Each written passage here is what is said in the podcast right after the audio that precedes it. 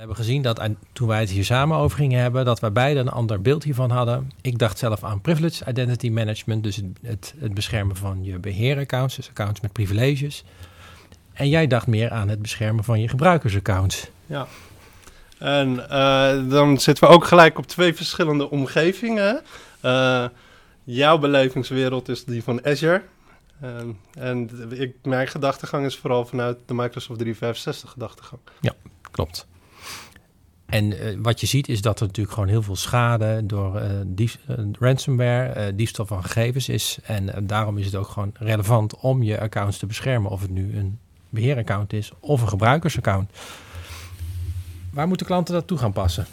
nou ja, sowieso. Je legt het al neer. Hè? De, het risico van ransomware, gijzeling van je infrastructuur. Denk aan Azure, dat je hele infrastructuur in ene door een andere persoon wordt beheerd dat klinkt heel eng. Of een medewerker op een financiële afdeling die toegang krijgt tot uh, gevoelige informatie of gewoon even de rekening plundert.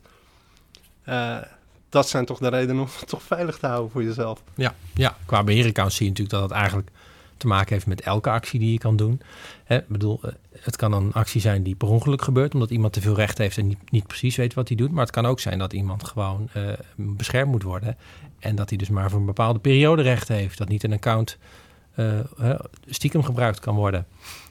Dus voor Azure PIM, zoals dat heet, zet je eigenlijk in dat iemand die toegang heeft tot de Azure-omgeving, een beheerder die toegang krijgt tot de Azure-omgeving, gelimiteerde tijd heeft of specifieke permissies krijgt binnen de Azure-omgeving voor een bepaald tijdsduur. Ja, klopt. Dat is helemaal afgebakend. En daarnaast kan je ook nog bepalen van of bijvoorbeeld er wel of niet een goedkeuring aan vast zit. Ja.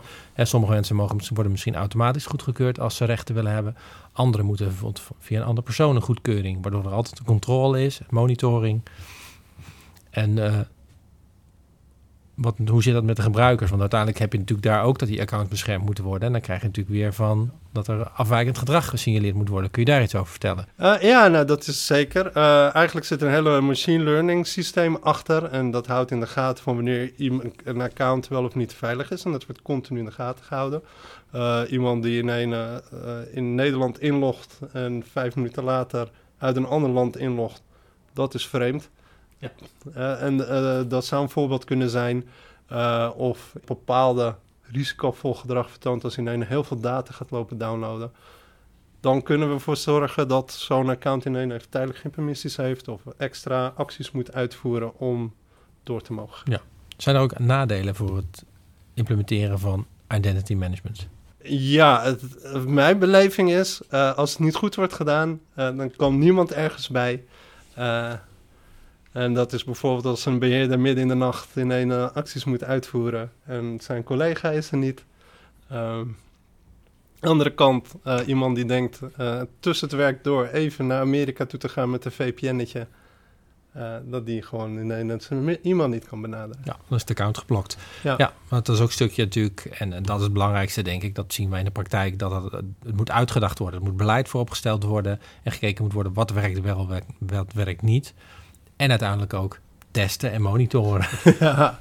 Nou, dat laatste dat, uh, is eigenlijk iets wat je eigenlijk vooraf doet. Dus je gaat niet in één keer voor iedere medewerker of voor iedere beheerder in één zeggen... nou, morgen, leuk idee, we zetten het aan en uh, kijken waar het schip strandt. Ja, klopt. Wat zijn potentiële valkuilen? Ah, nou, het eerste is dat mensen het per ongeluk aanzetten of bewust aanzetten... en dat niemand meer kan werken. Dat is een ja. van de grote valkuilen. Uh, andere valkuil is, is dat het te breed wordt opgezet. Ja. Ja, je, andere punten. Ja, als je bijvoorbeeld inderdaad zegt, bijvoorbeeld bij het uh, inloggen van gebruikers, het mag alleen vanuit Nederland. En ja, toevallig zit net die beheerder in België. Ja, dan kan dat een probleem zijn. Dus er moet over nagedacht worden van wat is logisch gedrag. En soms moet er misschien afwijking worden gemaakt. Als je dan kijkt bijvoorbeeld naar de, de, de beheeraccounts, is het heel makkelijk, omdat je daar natuurlijk ook uh, uh, per account kan aangeven wat er daar eventueel de rechten zijn die ze mogen aanvragen. Uh, dus je kan dat per persoon kun je dat instellen. Je kan ook zorgen dat dat eerst getest wordt met een paar accounts en later past voor de rest. Hetzelfde als natuurlijk voor de eindgebruikers. Ja. Dus, uh, ja. dus, heel simpel gezegd, zorg dat de basis op orde is voordat je het breed gaat uitrollen. En uh, Ja, dan kun je snel en effectief je accounts beheren en beschermen. Ja, en geen uh, dataverlies.